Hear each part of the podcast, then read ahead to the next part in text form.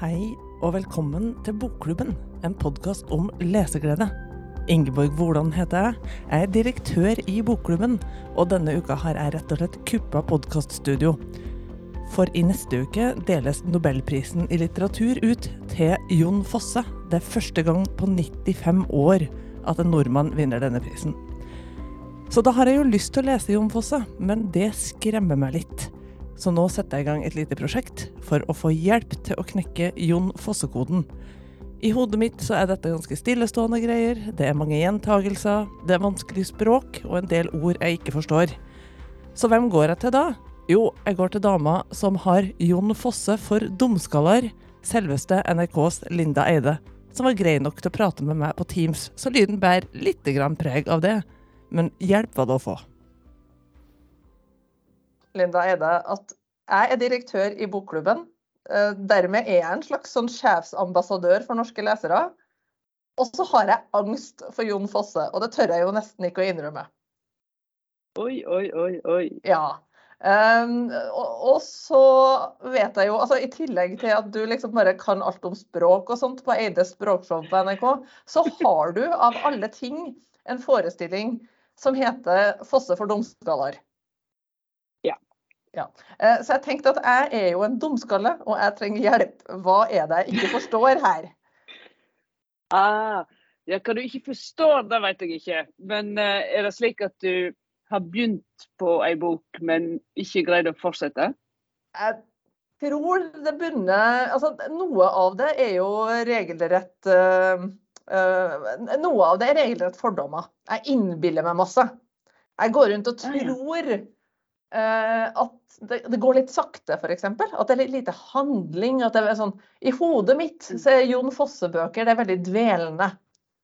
Uh, yeah. Og så er det kanskje ganske mange ord og ganske få punktum. Uh, jeg har i hvert fall uh, kikka litt i denne septologien som han har vunnet masse priser for. og sånt. jeg leita lenge yeah. etter, et punktum. Og så er jeg muligens litt traumatisert fordi jeg tror jeg var litt for ung da jeg så teaterstykket 'Noen kommer til å komme'.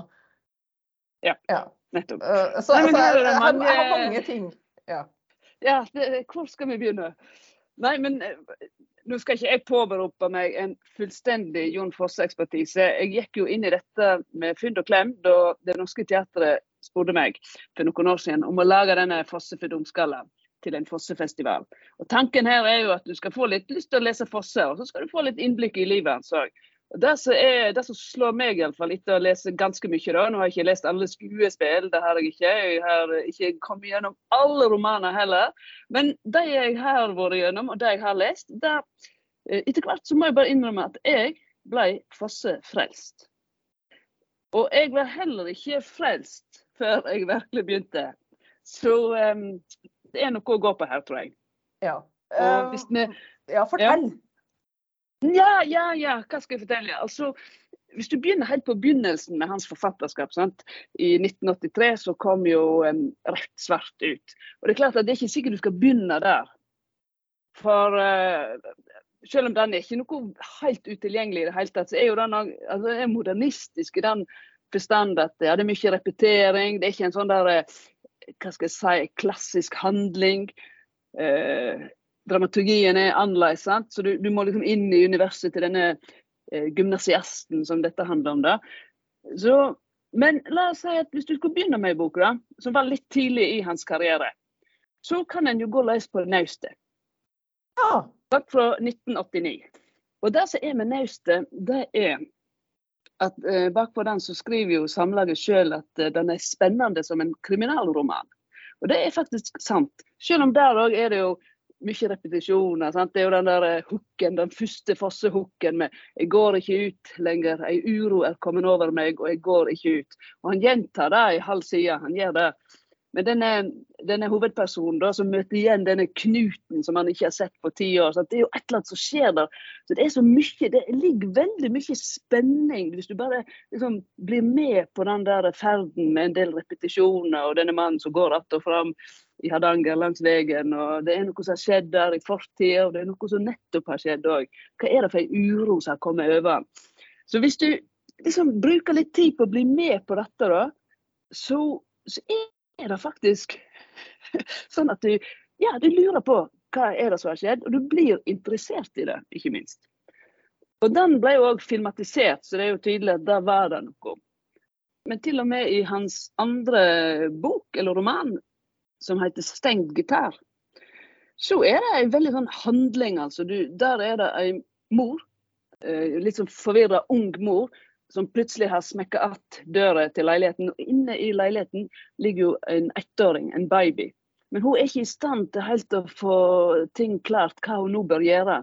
Så hun virrer rundt i byen, og det skjer masse. Og hele tida er jo bakteppet dette at denne um, ungen ligger forlatt inne i leiligheten. Så der òg blir det jo egentlig sugd inn i Så, så det er egentlig mer ja, en drama her enn jeg ser for meg? Ja, fordi det var jo det som gjorde at uh, f.eks. han Kai Johnsen, teaterinstruktøren, som ville at Fosse skulle skrive dramatikk, han las jo 'Steng gitar', f.eks. Og skjønte at her er det jo et slags litt sånn klaustrofobisk univers som òg kan passe til teater. Og Så det er jo, det er jo drama. Ja. Og, ja, og selv om, om det er mye repetisjoner og eh, det er ikke sånn rett fram drama, det er mye tilbakeblikk og det er mye sånn eh, Ja, litt sånn setningene er ikke hele tida hva skal jeg si eh, fullstendige. Så må en bli litt med på den leken. Og akkurat i den boken så gjør jo Fosse en annen sånn tegnting. Han har jo alltid drevet og liksom eksperimentert med tegnsetting. Og da har han punktum, men etter hvert punktum så begynner han hvert ordet ikke med stor bokstav, som er vanlig. Sant? Han begynner med liten bokstav. Og bare det gjør jo et eller annet. Og jeg er jo prinsipielt tilhenger av å leke med språket, altså, men jeg er nødt til å gjøre det så vanskelig for meg, liksom. Nei, men dette er ikke vanskelig. Dette er veldig, Det mener jeg, helt ærlig talt. Og hvis vi går til septologien, så er jo eh, mange, mange, mange hundre sider. Og uten punktum. Og jeg er ikke noe sånn der eh, så utrolig masse i mitt liv at jeg er verdens beste romanleser. Men det tok meg 200 sider før jeg etterlyste et punktum. Og det gjorde jeg egentlig ikke fordi at jeg trengte det. Det var fordi at jeg hadde jo hørt at han har ikke punktum. Men jeg hadde ikke tenkt på det. Ja, nei, Så han er en mester med komma. Det, er som, det er en rytme der som er helt fantastisk. Så går du inn i den, hvis du liker å høre på musikk f.eks., og tenke at Fosse er som uh, slåttespill eller Bach, Goldberg-variasjonene av Bach f.eks. Hvis du går inn i det på den måten, da skjer det noe med deg. Ja, så kanskje litt som bare la språket vaske over seg litt sånn da. Ikke henge seg så opp i at oi, blir jeg litt sliten her, eller var det litt Nei. vanskelig? Men bare sånn la det skje litt. Ja, det tror jeg er en veldig god oppskrift. Og ikke tenk at du hele tida skal forstå alt. eh, Hva er handlingen her? Hva gjør disse to som han tenker på langs med veien, dette unge paret? Ser han det virkelig, eller er det en slags um, hallusinasjon? Altså, du må ikke um, Kanskje en skal tenke med fare for å framstå som en slags besserwisser, da, så går det jo kanskje an å tenke på en um, septologien som ikke bare handling, men òg liksom kunstverk. Altså Det er noe det er deilig å være i. Hvis du har et veldig fint kunstverk på veggen, så er det deilig å se på det. Du ser nye ting ved det. Og sånn Og sånn kan kanskje øh, denne teksten være òg. Nemlig. Du har jo rett og slett spurt forfatteren sjøl om hvor ville han ha startet å lese seg sjøl? Ja, hvis du er en fossefersking da, som dette er mynta på, så mener han at 'Morgen og kveld' er en god bok å begynne med. Det er jo om denne Johannes som eh, Ja, hvis jeg sier for mye om den, så spoiler jeg det faktisk. Men det er en kort og konsis bok, og veldig eh, godt skrevet, og selvsagt et eh, veldig interessant tema. Og så sier han òg at hvis du skal se eller lese noen drama, så er han veldig glad i noe kommer til å komme'. Ja. Ja. Og den la jeg nettopp sjøl, og egentlig å lese det dramaet var, var veldig fint. Det, var, det ble enda mer fortetta. Altså, det- jeg følte det som enda mer handling, kanskje, enn om du ser det på en scene. Så det var veldig fint å lese. Selv om du har hatt en annen erfaring.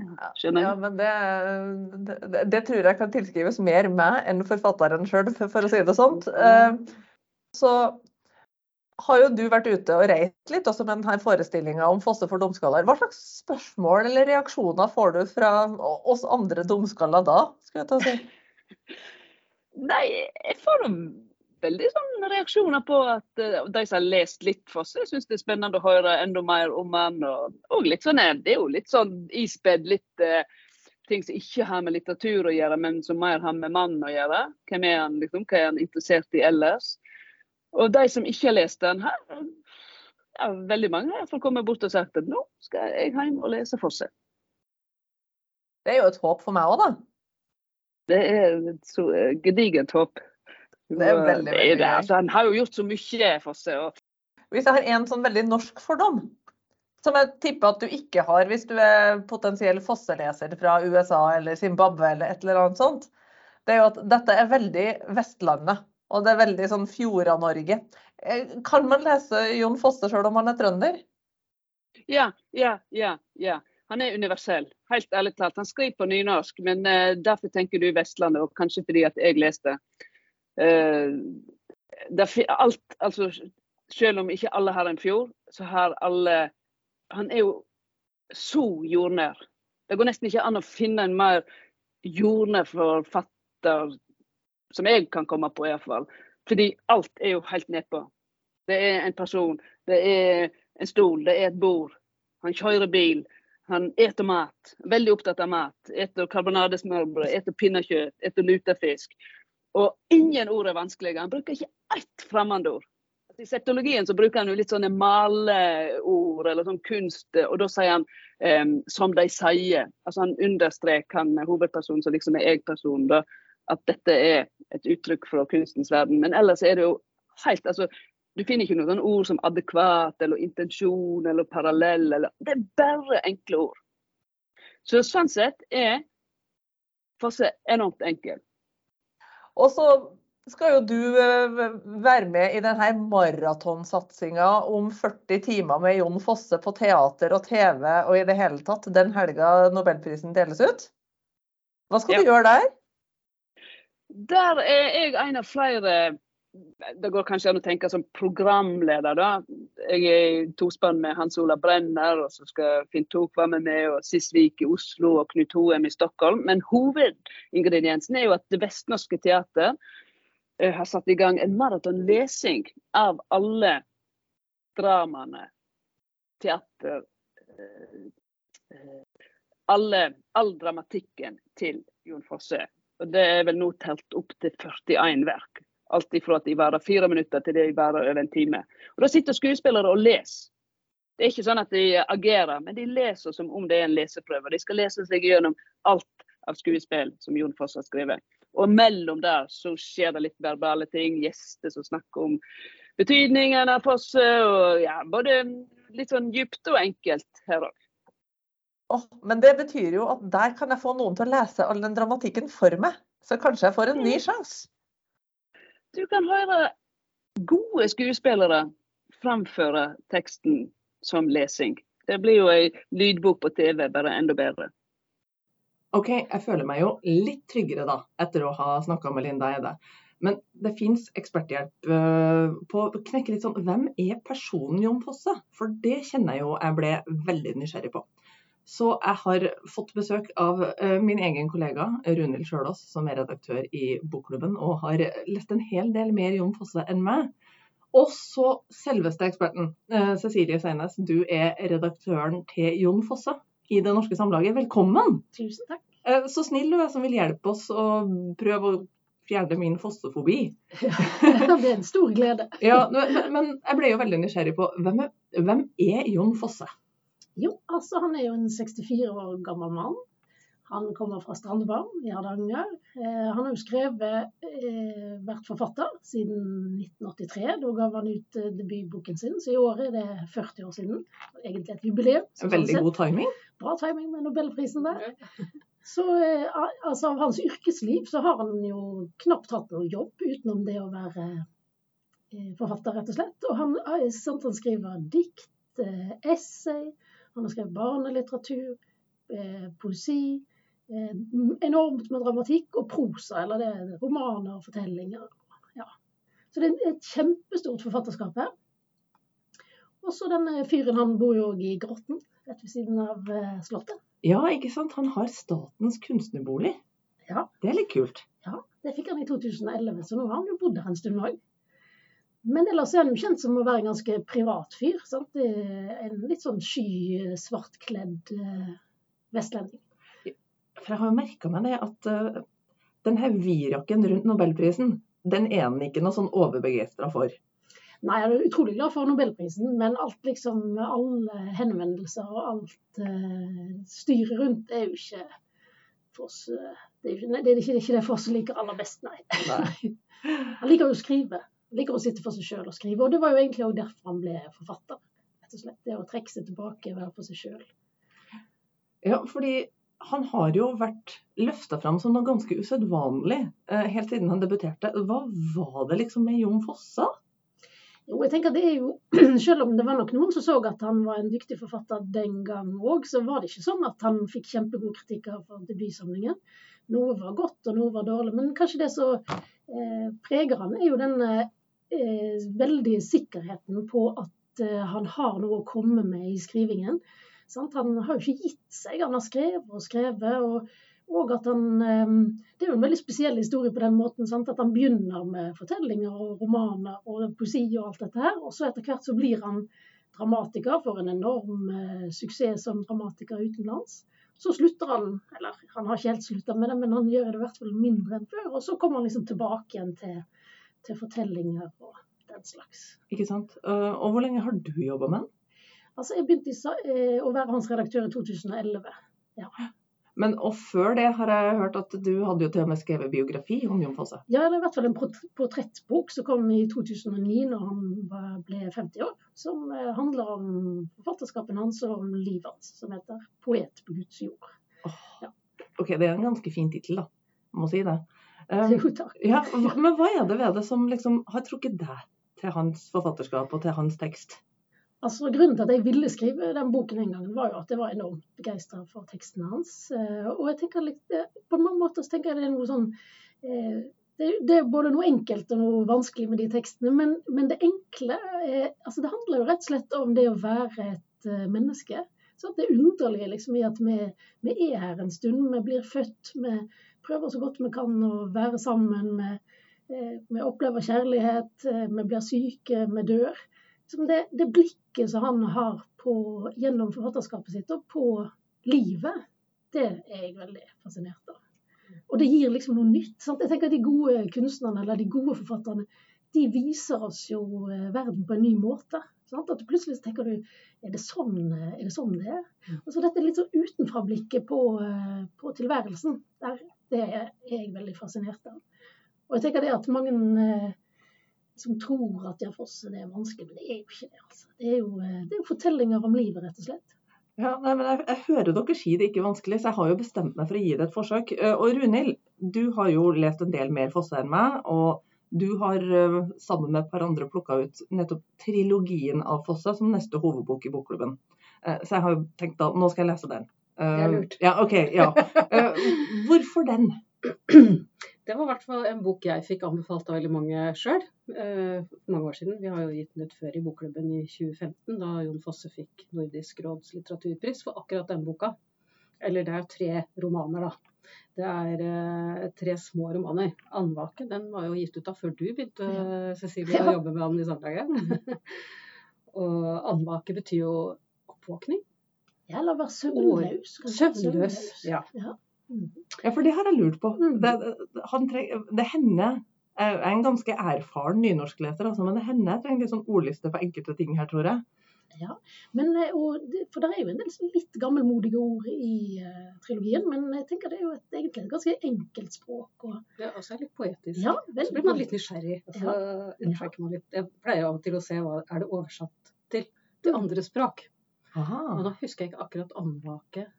Slavlås er det vel Er det på tysk? Ja. Nei, nei, no. På engelsk lurer jeg på om det var awareness. Nei, Ja. det, kan, det må jeg sjekke. det må vekk. Og så er det den eh, romanen nummer to som heter 'Olav Straumar'. Den kom jo i 2012, så den har du vært redaktør for? da? Den har vært med på. Og så kom 'Kveldsverd', som kom i 2014, som var den siste. Og så i Var det i 2015 dere samlet den til en trilogi? Som dere kalte rett og slett trilogien. Det er altså Ja. gøy. Det er veldig praktisk, da. Og litt frekt. Ja, ja det, dette er Selveste. den ultimate trilogien. Som, eh, som da vi valgte nå å, å ta som hovedbok eh, i bokklubben.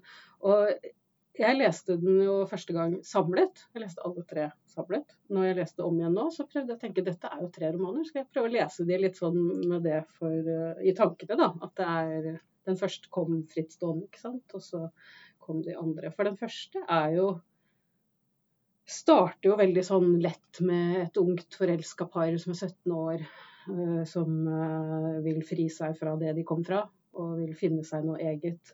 Hun er høygravid. eh, og de går fra dør til dør og banker på i dette stedet Bjørgvin for å finne husrom.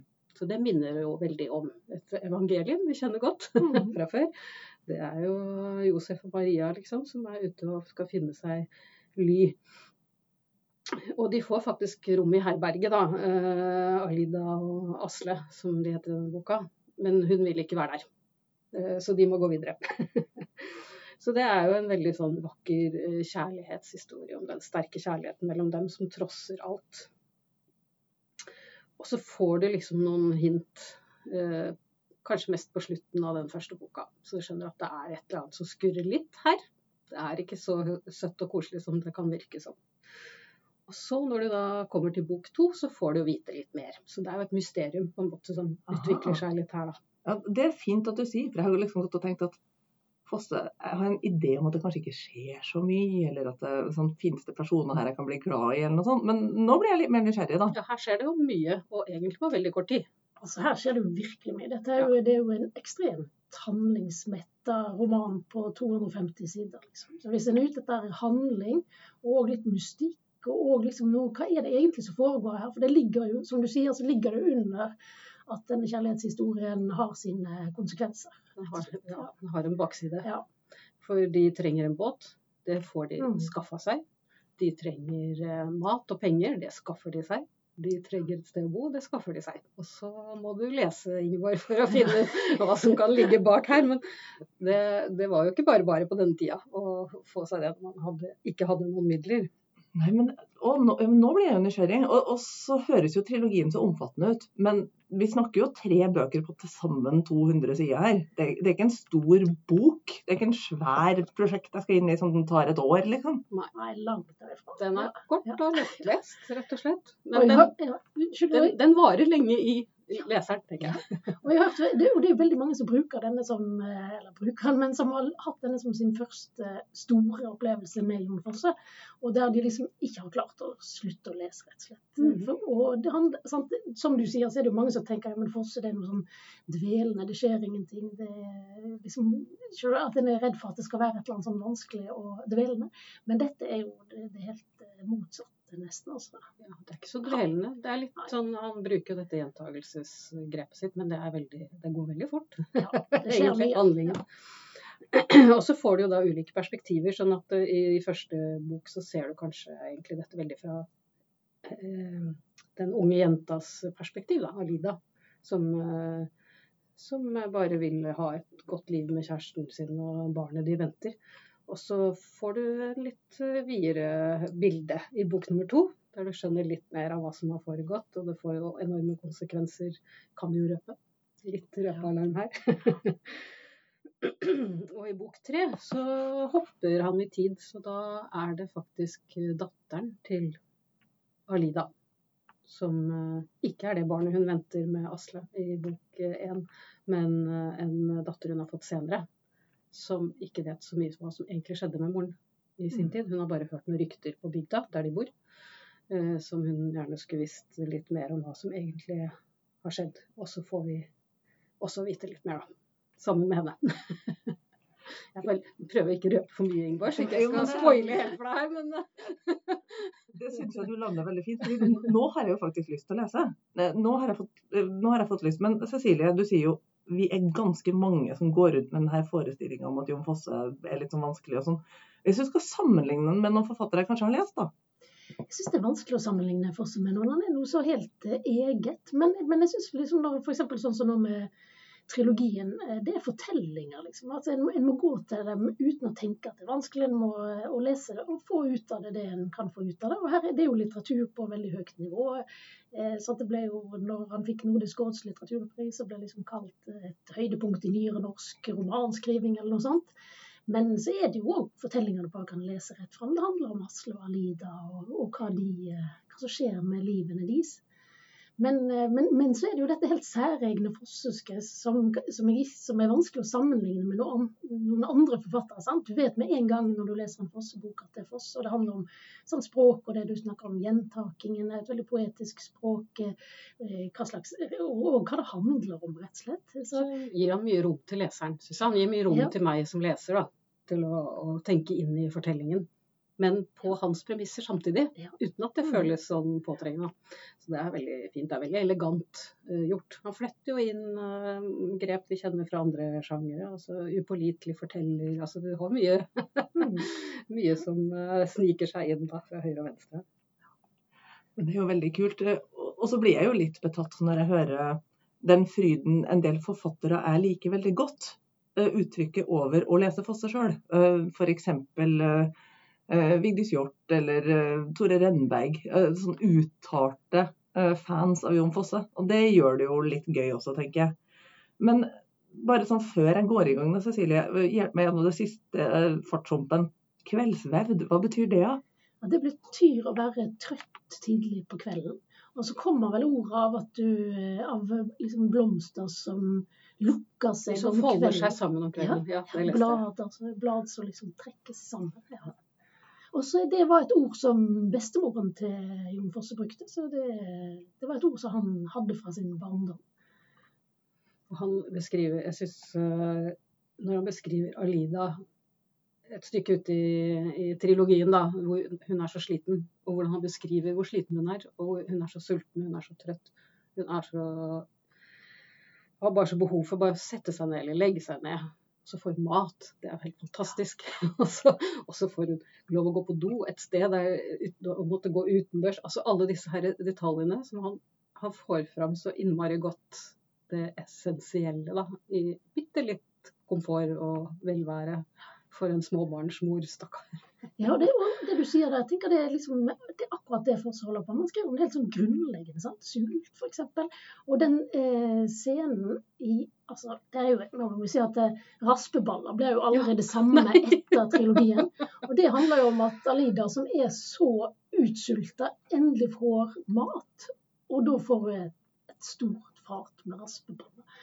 Og altså, jeg må bare fortelle at når, den, eh, når, fikk, når jeg fikk den teksten første gang, og jeg leste det, så klarte jeg bare ikke la være å lese. Jeg måtte bare lese det høyest for folk på forlaget. For den, det er ja, det er en stor scene, rett og slett. Og hun liker ikke øl, men hun får eh, en seidel med øl som plutselig smaker utrolig godt.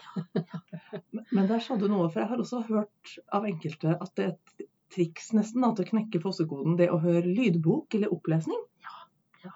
Og, og, og, for det er jo en musikk i det, altså måten han skriver på. En rytme, sånn, noe suggererende som, eh, som, kanskje for noen kan være liksom, litt vanskelig hvis en begynner med det sjøl, men å høre det er jo kjempefint. Nydelig. Det høres ut som noen ting jeg skal gi et forsøk. Tusen, tusen takk for at dere kom for å hjelpe meg med det lille prosjektet mitt. Cecilie Seines, som jo da rett og slett er eh, redaktør for Jon Fosse må være litt fint akkurat nå. Gratulerer med nobelprisen. jo, takk. Tusen takk. Uh, og min egen kollega Runhild. Uh, vi snakkes mer om det her. Vi skal snakke mer om Fosse.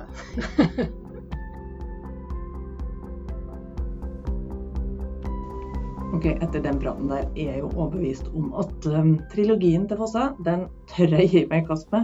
Ikke minst fordi kollega Runhild, da hun gikk ut av studio, selvfølgelig sa åh, men hun dama der, hun er jo kanskje ikke helt god eller? Om hovedpersonen Alida. Her er det mye å grave i, så jeg skal ta rådet til Cecilie og høre boka på lydbok.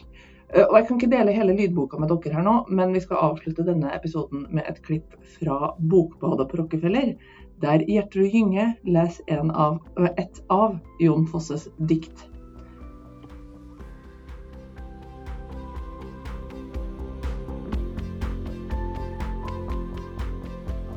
Det er der hele tida. som et press bak og bort fra det som er. Det er usynlig i det som er. Jeg kaller det en engel, som er ny hver gang. Eller jeg kaller det ei mening, som også er ny hver gang.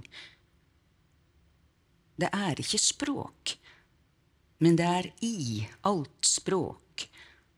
Som når to blikk møtes og latter brått er der, så er latteren borte, og igjen er alt forskjellig, og igjen er det der. Kanskje kjenner vi det ikke, sjøl om det er, som engler og gamle hunder. En kan le av det.